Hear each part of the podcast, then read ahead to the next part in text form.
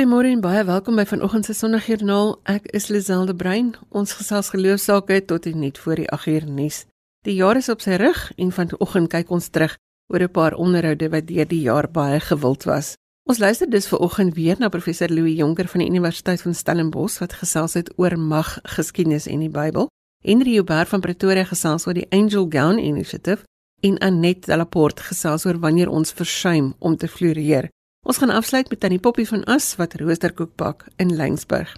Onthou jy kan wêreldwyd na ons luister op RSG se webwerf by rsg.co.za en ons is ook te hoor op DStv se audiokanaal 813. Sondagjoernaal is as 'n potgooi beskikbaar en jy kry dit ook op RSG se webwerf by rsg.co.za. Ons nooi jou uit om saam te gesels per SMS by 45889 Ek herhaal die nommer, dis 45889 en dit gaan jou R1.50 per SMS kos. Dis vir ons goed om te weet julle luister saam en julle kan ook saamgesels op Facebook. Ons sit elke week die program se inligting daar, as ook op RSG se webblad.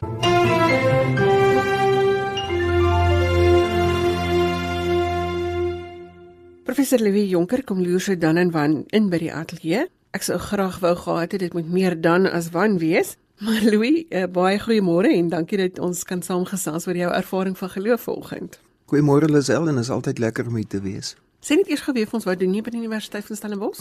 Ek is uh, werksaam by die fakulteit teologie. Ek is 'n professor in Ou Testament, so in die eerste plek is my nering om met Bybeltekste om te gaan en studente van die Ou Testament te leer en navorsing daaroor te doen. Ons het al vorige keer in hierdie program met jou gesels oor die bestudering van die kronieke boek in die Ou Testament en jy het toe gesê dat daardie boek ons kan help om meer verantwoordelik met die Bybel om te gaan in ons eie tyd. Vertel ons net gou-gou weer kortliks daaroor. Hoe kan die Bybel dan nou help om te weet wat ons eie konteks moet wees en hoe ons daarmee moet omgaan? Hmm. Dis al my indruk is dat uh, lesers van die Bybel is dikwels uh, van mening dat die Bybel 'n soort van plat vlak boek is met 'n klomp tekste wat gewoon agter mekaar ingepak is in 'n Bybel wat ons dan moet nakom ook in ons eie tye.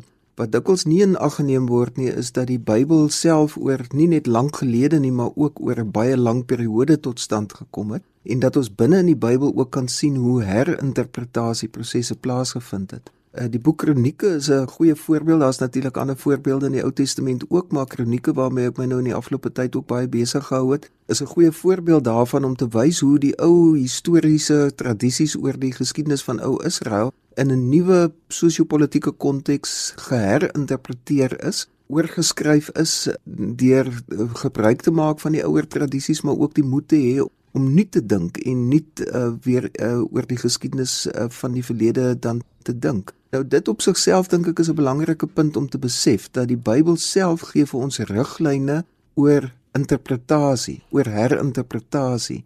Die totstandkoming van die Bybel is op sigself eintlik iets baie interessant om raak te sien dat dit vir ons help ook uh, dat mense dat gelowiges uit die verlede uit uh, die moed geneem het om 'n nuwe sosio-politieke, sosio-godsdienstige omstandighede ook weer nuut te dink. Die Bybel is met ander woorde nie 'n museumstuk wat ons net so af en toe moet afstof en weer mee moet buig voor dit ensovoorts nie. Die Bybel is 'n lewende boek wat in 'n sekere sin ook interpretasie gewys uh, vanuit die verlede in die toekoms ook in voortstuur. En ons as gelowiges is bevoorreg om deel van daai proses te wees. Ek en jy gaan nog 'n paar gesprekke hê oor die taal en die politiek en al in mm. al daardie dinge in die tyd van die Bybel. Ek het gelees in een van jou skryfstukke dat jy bekommerd is oor sommige tendense rondom die Bybelinterpretasie wat 'n mens in Suid-Afrika waarneem vandag. Nou, mm. vertel ons 'n bietjie meer daaroor. Mm. Weet jy, dit is iets waarna ek nou in meer akademiese skryfsels nou al myself oor uitgelaat het, maar ook onlangs in 'n meer populêre boek wat by Sun Media verskyn het. My bekommernis is dat ons eh, 'n uh, goeie tendens van ons tyd soms oor aksentueer. En laat ek miskien verduidelik die goeie tendens waaroor dit gaan, is naamlik dat sedert die 60er, 70er jare van die 20ste eeu alreeds, het daar binne Bybelinterpretasie die sienings begin na vore kom om te sê dat ons moenie dink dat die interpretasie van die Bybel net volledig bepaal word deur die wêreld agter die teks of deur die tekste self nie, maar dat ons as lesers van die tekste in ons eie kontekste eweseer bydra ook tot die verstaan van die Bybel in die kontekste van die 20ste eeu waar hy dit kom byvoorbeeld die hele kwessie van politieke onderdrukking armoede ensovoorts wat uh, uh, daar 'n rol speel dat mense begine sê dit maar natuurlik as ek 'n ryk mens is of as ek 'n vrou is of as ek 'n uh, politieke uh, onderdrukker is dan lees ek die tekste anders as wat ek aan die ander kant van die lyn sit. Nou dit op sigself is 'n uiters gesonde skuif wat in die Bybelinterpretasie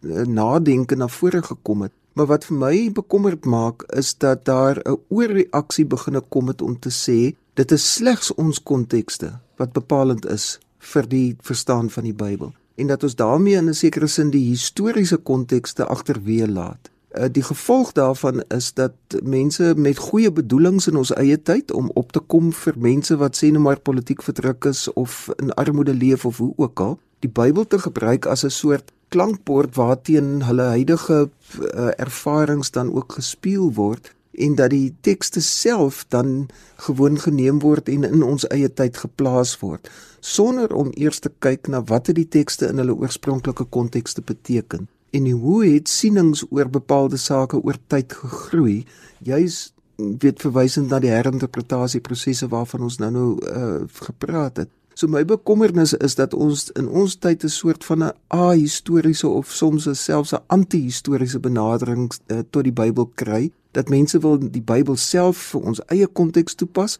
maar dan uh, weet word hierdie historiese agtergrond van die Bybel nie genoegsaam in ag geneem nie. Jy beklemtoon nou dat ons nie die Bybel bloot vanuit ons eie konteks moet lees nie, maar dat ons die historiese agtergrond en die ontwikkeling van die Bybel dan ook in ag moet neem. Maar nou wil ek vir jou vra, is dit nie 'n bietjie te veel gevra as jy nie 'n Bybelkundige is nie, want ek weet baie min van die geskiedenis van die Bybel. Ja, dit is iets wat dikwels na vore kom wat mense in gemeentes ook sê en wat ons studente vir ons sê. Almal is mos nou nie Bybelwetenskaplikes wat navorsing doen oor al hierdie goed en diep lees oor al hierdie goed nie. Maar ek dink nie dit is 'n verskoning nie. Ek dink nie wat van mense verwag word om verantwoordelike Bybellesers te wees is dat almal nou skielik gespesialiseerde Bybelwetenskaplikes moet word nie. Ek dink kerke moet 'n baie groot rol speel. Geloofsgemeenskappe moet 'n baie groot rol speel ook in die blootstelling van lidmate van gelowiges wat met die Bybel omgaan om ook iets van hierdie agtergrond van die Bybelwêreld te kan verstaan. Dikwels is dit so dat Bybelkursusse ensovoorts wat aangebied word ook maar weer net konsentreer op dit wat vir ons in ons konteks te belangrik is. En weer eens ek wil dit geensins, jy weet, negatief beoordeel nie. Dit is die soort van goed wat nodig is om ook na te kyk. Maar dit is belangrik ook dat ons uh, ook in ons gemeentes in ons geloofsgemeenskappe dat ons mekaar ook in 'n sekere sin moet meer vaardig maak ook met die wêreld waarin die Bybel tot stand gekom het. Daar's wonderlike literatuur ook beskikbaar. Ongelukkig in Suid-Afrika moet ek sê is ons bietjie suig ons aan die agterste speen wat dit dan betref omdat daar nie noodwendig in Afrikaans ook altyd baie goeie literatuur beskikbaar is nie maar daar is basiese literatuur wat 'n mens ook kan gebruik in Bybelstudiegroepe en Bybelleeskursusse ensovoorts. Ons het by die fakulteit teologie het ons ook 'n paar jaar gelede begin om in die afrondingskursus wat ons vir predikante het, 'n module in te voer waar ons juis ook vir die studente sê, kyk ons het nou met julle oor 4 jaar gepraat oor allerlei soorte dinge oor die Bybelse agtergrond ensovoorts, maar ons weet as julle nou in gemeentes gaan kom en dominees gaan wees, dan gaan julle teenstand kry. gemeentelede gaan vir julle sê nee, waar kom julle nou aan al hierdie goed? Uh hoekom wil julle nou dit vir ons nou sê? Nou uh, ons probeer ook dan in die kursus probeer ons spesifiek ook dan ons uh, voornemende predikante vaardig maak daarmee hoe vind skuwe in terme van verstaansraamwerke in gemeentes plaas. Hoe kry ons dit reg om te skuwe van die ou soort hiërargiese verstaansraamwerke, naamlik die dominee sê iets en dan die gemeentelede volg maar net. Hoe kan ons uiteindelik ook as gemeentelede saam voor die die Bybel staan, saam met mekaar ons vaardig maak om uiteindelik ook tot dieper verstaan daarvan te kom. En 'n gesonde gesprek dan daaroor te hê. Presies, 'n uh, gesonde gesprek wat uiteindelik tot 'n meer verantwoordelike omgang met die Bybel, uh weet aanleiding gee. Ek dink daar's 'n hele klompie van die gesprekke wat ons deesdae in kerklike kringe voer, uh, byvoorbeeld sien nou maar die kwessie rondom homoseksualiteit, die kwessie rondom grond, allerhande ander etiese kwessies wat eenvoudig weer op kerke en op uh, geloofsgemeenskappe se agenda geplaas het. Hoe gaan ons om met die Bybel en in ander godsdienste? Hoe gaan ons om met ons heilige geskrifte? En daai vraag kan ons nie ontkom nie. Dit is 'n belangrike vraag om te vra en ek dink dit verg 'n diepe nadenke en daarom is my wens altyd vir predikante dat hulle die fasiliteerder sal wees van dit wat nie daar is nie, dit wat ons nou gesê het wat dikwels ontbreek, dat mense nie genoegsaam vaardig voel om so met die Bybel om te gaan nie. Ja, dat dit nie net 'n Bybelstudie is maar dit amper 'n Bybelskool. Iewers ook in die, Precies. in die prentjie inkom. Louis, ek wil net so vinnige vraag vra. Jy wat jy nou so besig hou met die Bybel, die navorsing, die oplees daarvan. Jy het nou onlangs geskryf oor herinneringe en verlange en dinge. Hmm.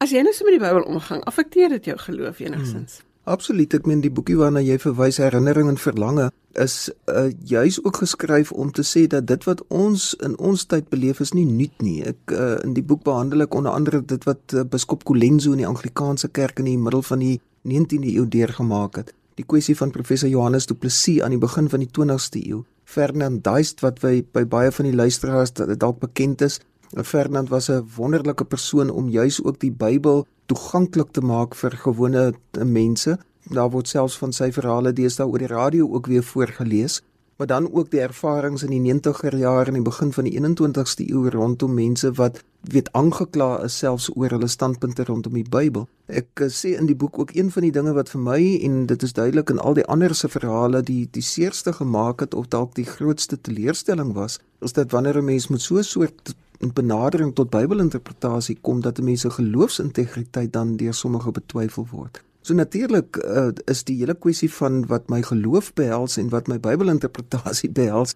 is twee goed wat nou met mekaar verweef is. Diegene wat meen dat so 'n soort benadering tot die Bybel juist dalk ketters is of hoe ook al, uh, sou 'n mens dalk daarvan wou beskuldig dat jy nie 'n gelowige is nie. Dat 'n mens nie hierdie soort van benadering tot Bybelinterpretasie ook vanuit jou eie geloofslewe doen nie. Maar dit is ver van die waarheid af en dit is juist die soort beweringe wat uh, dikwels uh, seermaak en wat eenvoudig nie die gesprek help nie.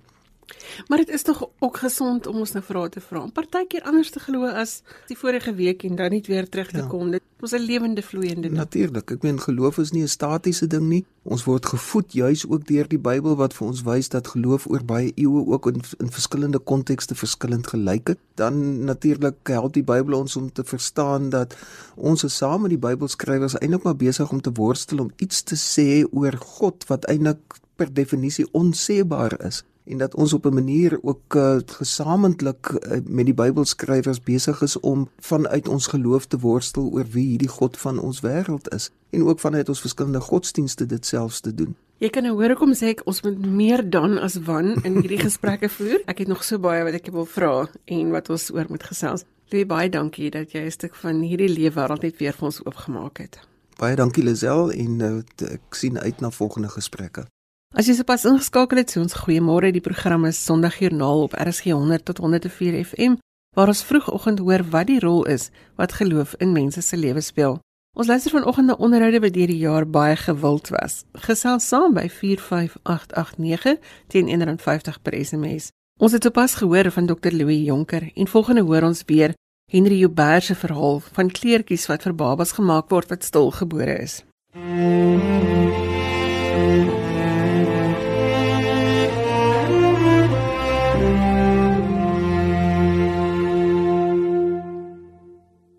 Ons ken Henry Uber as 'n toegewyde pa en stilis of as ek nou die formele langnaam moet gebruik, hy is 'n visuele handelswarebeplanner van 'n kettingsgroep, maar ons gesels nie vanoggend oor winkelfensters nie. Goeiemôre Henry. Goeiemôre Lisel. Die Angel Gown Initiative, vertel vir ons wat is dit? So dit is 'n organisasie wat ek um, raak gesien het op 'n program van Kwela wat hulle gebruikte trourokke en aandrokke om 'n produk met die naam Angel Gowns te vervaardig wat um, 'n oplossing is vir ouers wat deur die trauma gaan van dat hulle baba nie lewend gebore is nie. Hoekom gebruik julle trourokke spesifiek, Henry? So toe ek met um, Erik in gesprek gehad het, wat was ek ook baie geïnteresseerd geweest deur die feit dat hulle hierdie trourokke gebruik.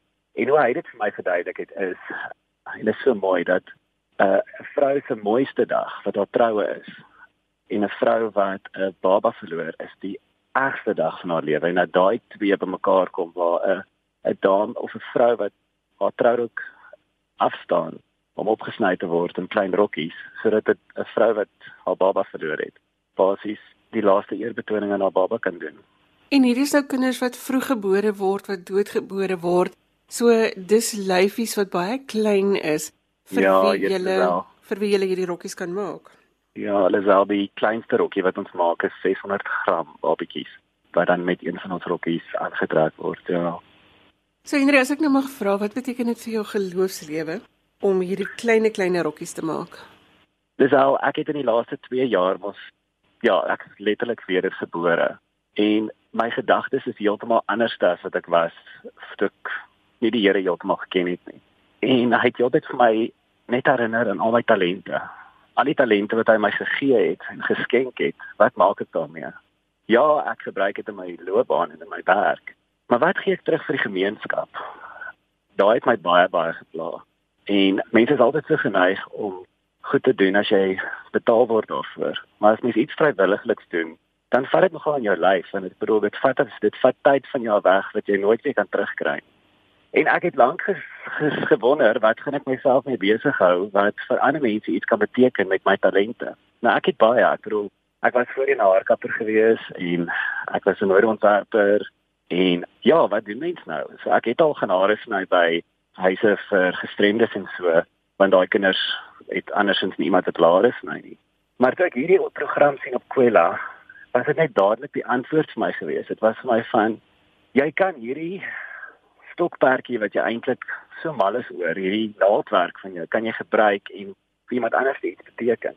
So ek het dadelik vir Erik gekontak en ehm um, hy het vir my na die eerste gesprek wat ons gehad het, het hy vir my 'n boksie gestuur met klere of gesnyde pante wat ek dan aan mekaar moet stik want kyk die standaard ook van hierdie rokkies moet natuurlik verskriklik hoog wees want dit is vir die laaste eerbetoning aan aan 'n babatjie en dit is ook 'n groot verantwoordelikheid want dit is 'n is iemand anders as 'n trourok wat hulle basies um, uitmekaar uithaal en in pante opsny en ek bedoel daar is nie dis 'n once off daar bestaan nie weer nog so rokkie nie.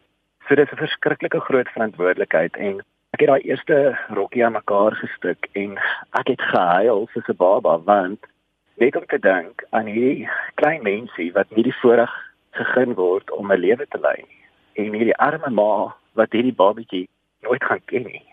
So wat ek doen is ek ontvang die rokkies en dan maak ek een op beslag en ek steek 'n kersie aan vir die lewe van hierdie babatjie en ek bid. Ek bid die hele tyd terwyl ek hierdie rokkie maak.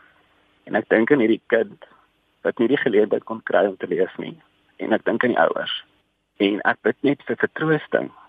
En in daai manier is dit vir my ook terapie om die Here dankie te sê vir die voorreg om my seentjie te kan grootmaak en om te kan ken. Ja, so, so is dit vir my terapie en so kry ek 'n rokkie gemaak wat weer vir iemand anders te verskriklik baie beteken. Ons het onlangs gepraat op hierdie program oor die belangrikheid van rituele van hoe 'n mens moet afskeid neem dat dit belangrik is dat jy die pad stap dat jy jouself nie hierdie rituele ontken nie. Nou ons het ook sopas Moedersdag gevier en ek was baie diep bewus van al die boodskappe van mammas wat nie meer daar is nie, mense wat met jou medelee het of wat medelee uitspreek oor almal wie se mammas weg is. Maar daar is ook net die ander kant van mammas wat hulle kinders verloor het. Dis 'n ongelooflike inisiatief waarby jy kan betrokke raak wanneer jy kan stik. So, hoe doen 'n mens dit, Henry?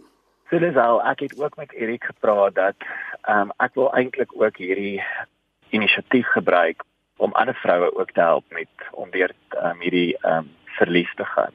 So die proses wat gevolg word is Erik stuur vir jou um, 'n stel rokkies wat in verskillende groottes um, gesny is, so van 600 gram tot sê 3.1 kg baba, sodat jy nou kan sien wat is die groottes en waar kan jy nou stuk. So dit is amper soos jou toetsrokkies.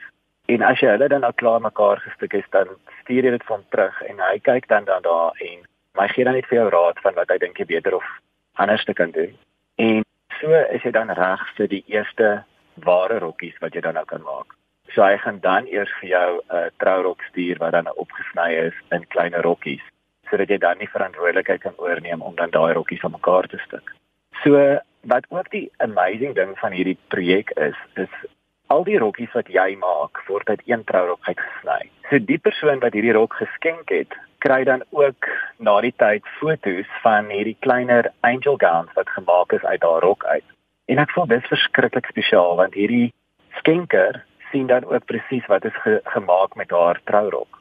So ek wil mense eintlik uitnooi om op die webwerf te gaan kyk van Taggy, so dis T A G I, the angel gown initiative van trourokke wat daar op die webwerf geplaas is wat opgesny is in klein rokkies en dan gemaak is. Dit is pragtig. Dit is regtig. Um, ek is so trots om betrokke te wees by hierdie inisiatief want ek dink dit is daai daai ding van jy het jou baba verloor en net daai laaste eer en respek wat jy kan toon aan daai baba is om hulle hierdie pragtige rokkie aan te trek. En dit is deel van 'n helingproses is dit word aan die hospitale oorhandig. So die hospitale besluit dan nou of die ouers self die die babas gaan aantrek. Maar ja, dit is net daai dis een van daai logistieke probleme wat daar is. Is op daai oomblik as jy nou deur hierdie trauma gaan, wil jy nie nou nog gaan dink aan waaraan of waarmee gaan ek hierdie baba aantrek nie. En die Angel Gown Initiative het basies daai probleem aangespreek respek te kan doen. Ek wil gou-gou kortliks praat oor die ander droom in jou hart Henry want wat ons wil vir mense sê is onthou dat geloof en aksie beteken jy gee een tree vorentoe. Jy wil ook graag mammas ondersteun wat hulle kinders verloor het. Korrek. Ek dink daar's baie vroue daar buite wat loop met daai leemte van dat hulle hulle babas verloor het of selfs 'n miskraam gehad het. Dit is al dis baie traumaties. En ek dink nie en daar word nie geleentheid vir hulle gebied om regtig ehm um, weer daai trauma te werk nie.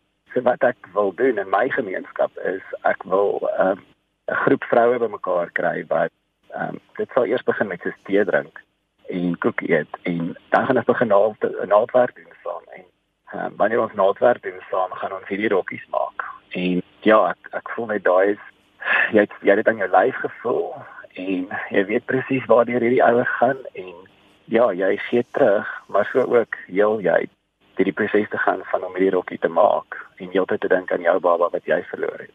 So dit is nog alles 'n droom, maar ek weet dat drome waarheid word want my vorige drome wat ek gehad het, het almal waar geword en ek weet dat ja, die Here het hierdie idee definitief in my kop geplant. So ek wil dit regtig in die nabye toekoms wil ek dit daar stel sodat vroue ja, dit geheel kan word en kan praat hieroor want dit is nogal 'n baie grim en moeilike situasie om regtig eintlik oor hierdie verlies te praat.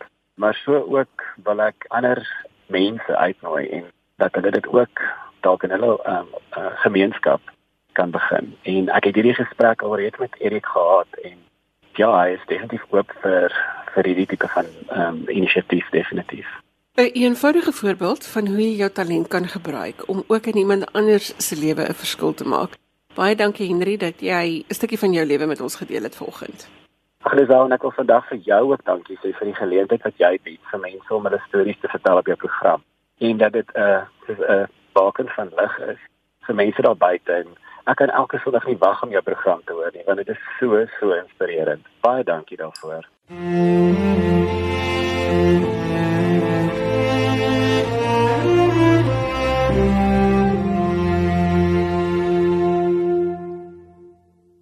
Annette Delaport is van Hospice Vision, 'n organisasie wat mense in hospitale bystaan en ons gesels vanoggend oor depressie. Goeiemôre Annette. Hallo Lisel. Kom ons begin deur te vra wat beteken dit as ons versuim om te floreer? Dit is 'n siekte waarmee babatjies dikwels gediagnoseer word en deesdae ook bejaardes. En dit is wanneer die baba dan nie gewig optel nie, nie regtig aptyt het nie en net nie groei soos floreer soos wat 'n mens van 'n babatjie verwag nie. En verlede jaar het Andrei 'n preek gemaak oor hierdie tema omdat hy in sy lewe beleef het dat depressie by hom 'n versuim om te floreer veroorsaak. En die dilemma is dat 'n mens in daai plek so perspektief verloor en glo daar is nie hoop nie en dit gaan nooit beter gaan nie en ek wil net weer vandag sê dit is 'n leuen ons mag nie verder mense aan depressie verloor omdat hulle sê hierdie siekte is aan die verkeerde kant van my nek, ek mag nie daaroor praat nie. En dit is deel van my en Andre se passie om te praat hieroor, want die probleem is dat ons onsself ignoreer. Ons het experts geword daarmee. En dan as iets met ons gebeur wat vir ons 'n teleurstelling of of 'n hartseer is, dan ignoreer ons dit. Ons skuif daai pyn op sy en ons gaan aan en op die ou end akkumuleer dit. En dan met jou siel of jou liggaam op jou gil voordat jy tot stilstand kom. En ons is deur so 'n seisoen. Andre was Pretoria toe vir besigheid en toe hy terugkom na 10 dae, het ek op die lughawe by hom verbygeloop want ek het hom nie herken nie. Hy het in 10 dae 5 kg gewig verloor. Ek het groot geskrik en onmiddellik besef hierdie is weer 'n major depressiewe episode. En in hierdie seisoen wat dit nie beter gegaan het nie wat hy versuim het om te floreer het hy 'n intense doodswens ervaar en ek wil dit graag verduidelik. Ons is almal bekend met selfdood, maar 'n doodswens is wanneer jy geen planne maak om 'n einde te maak aan jou lewe nie. Jy gaan net elke aand slaap met die gebed op jou lippe dat die Here jou vannag sal wegneem. En in hierdie tydperk moes ons op 'n punt kom wat ons besef hierdie ding gaan nie van self omdraai nie. Ons het hulp nodig. En in in Januarie het hy elke week 'n kilogram gewig verloor. Dit was my angswekkend om te sien hoe hy wegkwyn voor my oë. En ons het 'n afspraak met die psigiater gemaak, gereël vir opname. In 10 dae was die doodswens weg. Van die medikasie is nie net verander nie, hy het ook nuwe hulp en nuwe insigte gekry en hy het besluit hierdie gaan 'n keerpunt wees in sy lewe. En ek wil sê moenie so onnodig swaar kry nie. Ons het te lank gewag. Ons wat 34 jaar met hierdie siekte reis en van beter moes weet, het te lank gewag en onnodig swaar gekry. En net as ons net kan konteks gee, Andre is jou man. Ja. Julle is saam in die besigheid en julle werk saam ook elke dag met mense wat ook siek is, wat nie lekker voel nie. Hoe kan siekte as 'n speel dien wanneer dit met jou sleg gaan? Siekte is altyd 'n uitnodiging. Siekte en pyn is ons leermeesters. En die eerste ding wat 'n spieël vra is dat jy bereid moet wees om jou kop op te tel en nie meer vir jou naaltjie te staar nie, maar eintlik in die spieël te kyk. Om te sien waar staan jy een beentjie? Waar is daar 'n dreigement dat jy jou balans gaan verloor omdat jy te lang ure werk, omdat jy te veel verantwoordelikheid dra? ken die grein van jy hout van jou mens wees. Weet wat skep vir jou spanning en verstaan leer hoe om jouself te eer. Weet wat het jy nodig en dan kry die soort hulp wat jy nodig het. Jy weet as jou huis aan die brand is, dan bel jy nie die tuindienste om te kom gras sny nie. Jy kry die brandweer. En as jy elke nag wakker lê en die helfte van die nag jou lê en bekommer oor die toekoms dan visualiseer jy beslis nie jou toekomsdrome nie maar jy dink aan alles wat skeef en verkeerd is. En en in hierdie proses van in die spieël kyk moet jy bereid wees om te sê hier en hier het ek 'n probleem en is hier vir my 'n uitnodiging vir groei. Kan jy sê dat jy sê bel die brandweer? Die woord psigiater is lankal nie meer 'n skelwoord nie dit is dit is iemand wat jou kan help So jy moet uitreik na iemand wat vir die regte hulp kan gee. Absoluut. En daar is ongelukkig dikwels 'n waglys om 'n psigiater te sien. Ek sien baie keer met mense met wie ek berading doen, dit vat tot 6 weke. Gaan intussen terug na jou huisdokter. Dikwels is iemand reeds op 'n antidepressant, maar die medikasie is nie effektief genoeg vir die bloedvlakke van daardie spesifieke persoon nie en as dit effens verhoog kan word terwyl jy wag om die psigiater te sien, is die doodswens minder, is die pyn minder, is die angs minder. Dit gaan daaroor dat jy moet aandag kry en dat Absoluut. iemand aan jou moet aandag gee. Ja. Kan ek vra jy stel jy stel dit so mooi dat jy moet luister na jouself, dat jy moet bewus wees, vir jy weet mos wanneer jy van balans af is. Kan kreatiwiteit help om lewensvreugde te herstel? Absoluut. Ek het op 'n stadium verlede jare hoop droogte beleef ek het 'n droogte gehad. Andre was in 'n hoop woestyn. Daar was nie eers 'n oase insig nie. En dis asof ek net eendag 'n fisiese teken nodig gehad het, iets om aan vas te hou behalwe aan God natuurlik.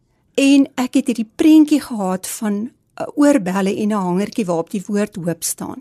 En ek het dit geteken en ek het besef dit moet nie gegraveer wees bo op die silwer nie. Daar moet 'n gat deur die metaal wees sodat die lig deur die donkerte kan skyn. Ek het dit vir 'n vriendin gestuur wat juwele ontwerp en nou trek ek my elke dag in hoop aan. En die fisiese teken maak vir my emosioneel 'n verskil. Dit is ook iets wat Andre elke dag raak sien wanneer hy na my kyk. Dit is ook iets wat die pasiënte en die families en die verpleegpersoneel sien wanneer ek met hulle praat. En in 'n tyd toe Andre nie woorde gehad het nie, het ek vir hom so klein uh tekenblokkie gekoop met kleurpotlode en hy het stokmannetjies geteken. Lisel, ek kan nie vir jou sê wat die waarde dit terapeuties gehad het. Hierdie stokmannetjie prentjies wat vir hom help verstaan het waar loop hy en wat gebeur in sy geesmens nie. En En ek het ook begin om stories te skryf. En 'n blok en elke uitdaging vir my was om elke storie positief te eindig want ons het hoop nodig. Ons wil nie verder op moed verloor se vlakte sit nie. En dan is ek baie lief vir kreatiewe idees. So eenmal 'n maand drink ons champagne om die lewe te vier, om die feit te vier dat ons albei nog lewe ook. En die dag het ek gesê vandag is dit dankbaarheid is ons tema. So vir elke slukkie wat ons gedrink het, moes ons 'n huildronk instel. En toe Andre se lag glas so kwart was, toe sluk hy dit weg en sê my dankbaarheid is nou op. en ons kon lag en ons kon die storie vertel vir die psigiater. En in in die die analise in ons spieelkyk oefening nou in hierdie krisistyd, het ons besef Andre is te veel met administrasie besig en te min met sy eie kreatiwiteit en toe het hy 'n kursus gaan skryf oor supervisie vir pastorale beraders en hy het nou 'n geselskamer begin waar hy mense reis met mense met depressie en ook supervisie op Skype doen vir pastorale beraders en predikante en dit maak so 'n kwaliteitsverskil in sy lewe. Dit wys jou dat as jy jou kop optel en as jy kyk daar buite, dan is dan sien mens ander dinge raak en dan sien jy hoop raak. Waarvoor hoop jy, Anet? Ek hoop soos Jakob se kudde van bont en gestreepte skape, dat ek hoop kan vermenigvuldig, dat ek dit kan aanteel. Dat die feit dat ons openlik praat oor ons pyn en ons deurbrake vir ander mense kan help om perspektief te gee Ek hoop om 'n oase van hoop te skep en ek het besluit ek gaan my helikopterpad waarop vreugde in my lewe kan land, gaan ek inruil vir 'n hele aanloopbaan waarop 'n Boeing van vreugde kan land en ek teer daai pad op die oomblik in my lewe met hoop. Ek was in gesprek met Annette Delaport, iemand wat eerstehands met depressie werk elke dag en wat dit deurleef saam met haar man en ons het 'n bietjie gesels oor wat dit beteken om te versuim om te floreer. Anet, as iemand met jou wil kontak maak, waar kan hulle vir jou 'n uh, e-pos stuur of of skakel? Ja, hulle is baie welkom. Hulle kan my skakel by 083 794 3537 of hulle kan vir my e-pos stuur na anet@holdontohim.co.za en ek doen ook hoopwerkswinkels waar ek mense leer om weer hulle lewensvreugde te herstel. Ek gaan gou weer daardie kontakdetail herhaal. Dis 083 794 3537 of jy kan vir Annette e-pos stuur by anet@e.e e by holdontohim.co.za. Al daardie kontakdetails sal op RSG se webblad wees en ook op Sondagjoernaal se Facebookblad wees. Anet baie dankie vir die saamgesels vanoggend. Dankie Lisel. Jy luister na RSG, die program is Sondagjoernaal en ons gesels met mense vir wie geloof belangrik is en ons vra hoe dit op verskillende plekke in hulle lewe werk. Ons laaste terugkyk vandag is oor die gesprek met Tannie Poppy van As van Lensburg. Tannie Poppy van As is 'n bekende baker in Lensburg. Sy bak roosterkoek en vanoggend wil ons by haar hoor waar die gebak en interaksie met mense vandaan kom. Goeiemôre Tannie Poppy. Goeiemôre, jy? Tannie, vertel vir ons eers gou-gou 'n bietjie van Lensburg daar waar jy bly. Ek bly op Lensburg. Ek het 'n 13 jaar terug het ek op Lensburg gevestig. En ek wil baie graag 'n bakkery oopgemaak het. En uh, toe ontdek ek ek moet net wat soos hier afkry. Toe ontdek ek maar alles is stukken. En uh toe kon ek hierdie bakkery oopmaak. Toe begin daar 'n kontrak met broodbak in die buiteoond en ek gooi in en ek is so al iemand van papiere het. As 'n mens geleerendheid het in hierdie dan, as 'n ander opsie, registreer vir jou en uh, jy hoef nie die werk te doen nie. Jy kry veel mense wat die werk kan doen, maar dan jy het die papiere. En dit het wat ek gedoen het. En ek kry die kontrak vir broodbak in die buiteoond op Leeuwe by die Vloedmuseum. En dit is waar my besigheid toe begin. En ek kom by om Piet Geldenhuis Ek sê om Pietie brood is R9.50 sent. Om Pietie my magtig ons dien. Die blerrie brood is R25 werd en nie R9.50 sent nie. As om Pietie sê dan maak ons so sê om Pietie. Om Pietie het my gepak met 10 brode, 5 bruin en 5 wit. En ek bak om Pietie 10 brode, 5 wit en 5 bruin en dan kom terug na om Pietie met die klomp brood. En dan by om Piet kom sê om Piet vir my kom hier so. En die ouma vat my deur sy bar agteruit en hy sê vir my sien jy daai kooktrolie waar hy staan? Jy moet nou daar uitsukkel. En as jy nou uitgesukkel het, dan maak jy hom skoon, pak so chips en mirakke, kry langs by Karen so wors. Hulle maak ons lekker eie tomatiesmoer. En dan maak jy eie tomatiesmoer, jy sit dit in die broodjie in en jy vra vir hom tienerheid. As reg ons Piet. Maar weet jy, ek het so skaam geraak. Ag liewe meester, want nou moet ek brood bak op die straat. En my hande brand. Ek ken dit nie so lekker nie, maar ek kon nie weggebly het nie. En ek moes elke dag moes ek daar wees. Die meeste van die tyd moet ek maar die brood weggee of weggooi, want daar is dan nou nie wat in 'n lekker gewen het. Maar weet jy, dit het my nie gelaat ophou dink om brood te brei nie. Want oom Piet is agter my oom Piet sien vir my, so ek moet elke dag moet ek hier wees om die brood te kom bak. En so het maar nou aangehou en aangehou, aangehou en uitgehou en uitgehou. En dit is my lese van die lewe wat ek myself aangestel het. Uithou aanhou mondhou vorentoe kyk. En ek kyk vandag nog vorentoe. Nou dit is waar ek aan die broodbakkery gekom het. Ek het verskillende soorte brode gebak. Dit was moeilike tye in die reën, in die wind, in die son, maar ek het nooit moed opgegooi nie. Ek het maar aangehou met die broodbakkery. En vandag is ek vir die Here dankbaar. Ek is vir hom bly dat hy my so deurgedra het op die arend se vlerke. En vandag sien ek baie klein ek op pad. Tannie Poppy, ek wil nou juis vra, watter rol speel geloof in Tannie se lewe? Die geloof in my lewe is ek het by die Here uitgekom. Ek moes my bekeer het aan my verkeerde weer af. Ooit ek het nie gerook en gedrink nie. Ek was nie 'n moeilike persoon nie.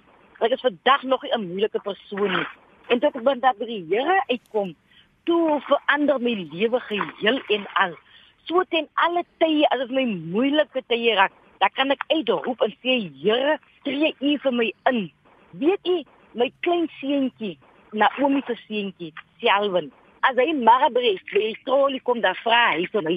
Nou het ek al gehoor. Daar vra hy my ouma, waar is die favorite? Die favorite mannetjie was nog gekom. As hy boeta, jy sien nou daar is 'n favorite in nie.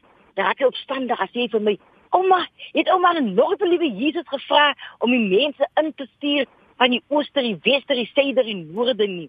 So hy leer ons van kleins af om die Here te herken aan al jou weer. Nou se toe 'n bietjie gepraat weer met die Here en ek roep na die Here aan die eerste kerk om trek in. Daar kom my ouma sê aan en sê vir my: "Ouma, die Here was gehoorsaam geweest. Die Here het nou vir ons mense gesê, waar is my favorite nou?"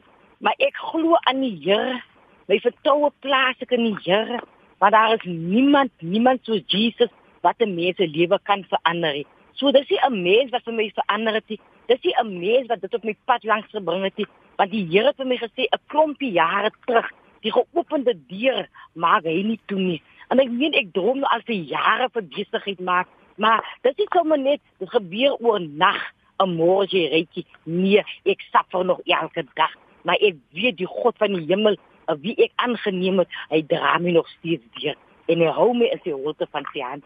So, dit is my bemoediging vir môre vir mense wat hierna luister. Gee jou oor aan die hande van die Here. En hy is getrou en hy is regverdig en hy sal jou nie aan as wese nalat nie. As ek maar dink en ek kyk so weg, dan sien ek Naomi het uitgetrek uit Bethlehem Juda uit.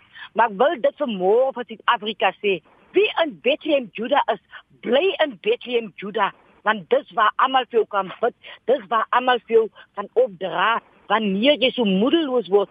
Is daar eers iemand wat tog vir jou bid? As jy nie wie dit is nie, maar daar is iemand wat vir jou bid. So ek wil vir almal vanmôre sê, slaan julle oë op die Here. Maak 'n besluit om te ren Jesus, want dit gaan nie verniet wees nie. So ek het 'n besluit gemaak om te ren Jesus. En dit meen my lewe is nie rooskleurig nie. Ek het nie 'n lekker lewe nie, maar ek weet my verlosser en nou maar te lewe kyk ek uit vir die dag van môre Tannie Poppy ek kan nie iets daarbey byvoeg nie. Dit is 'n baie sterk boodskap wat Tannie Vos gegee het. Ek het gesels met Tannie Poppy van As. Sy staan langs die pad in Lengsburg en sy bak roosterkoek. As jy haar sien stop koop en dan knoop jy 'n geselsie met haar aan. Tannie Poppy baie dankie dat jy vanoggend jou storie met ons gedeel het. Alright, mooi dag en die Here seën u. Tannie Poppy was intussen in Italië en is veilig terug in Lensburg.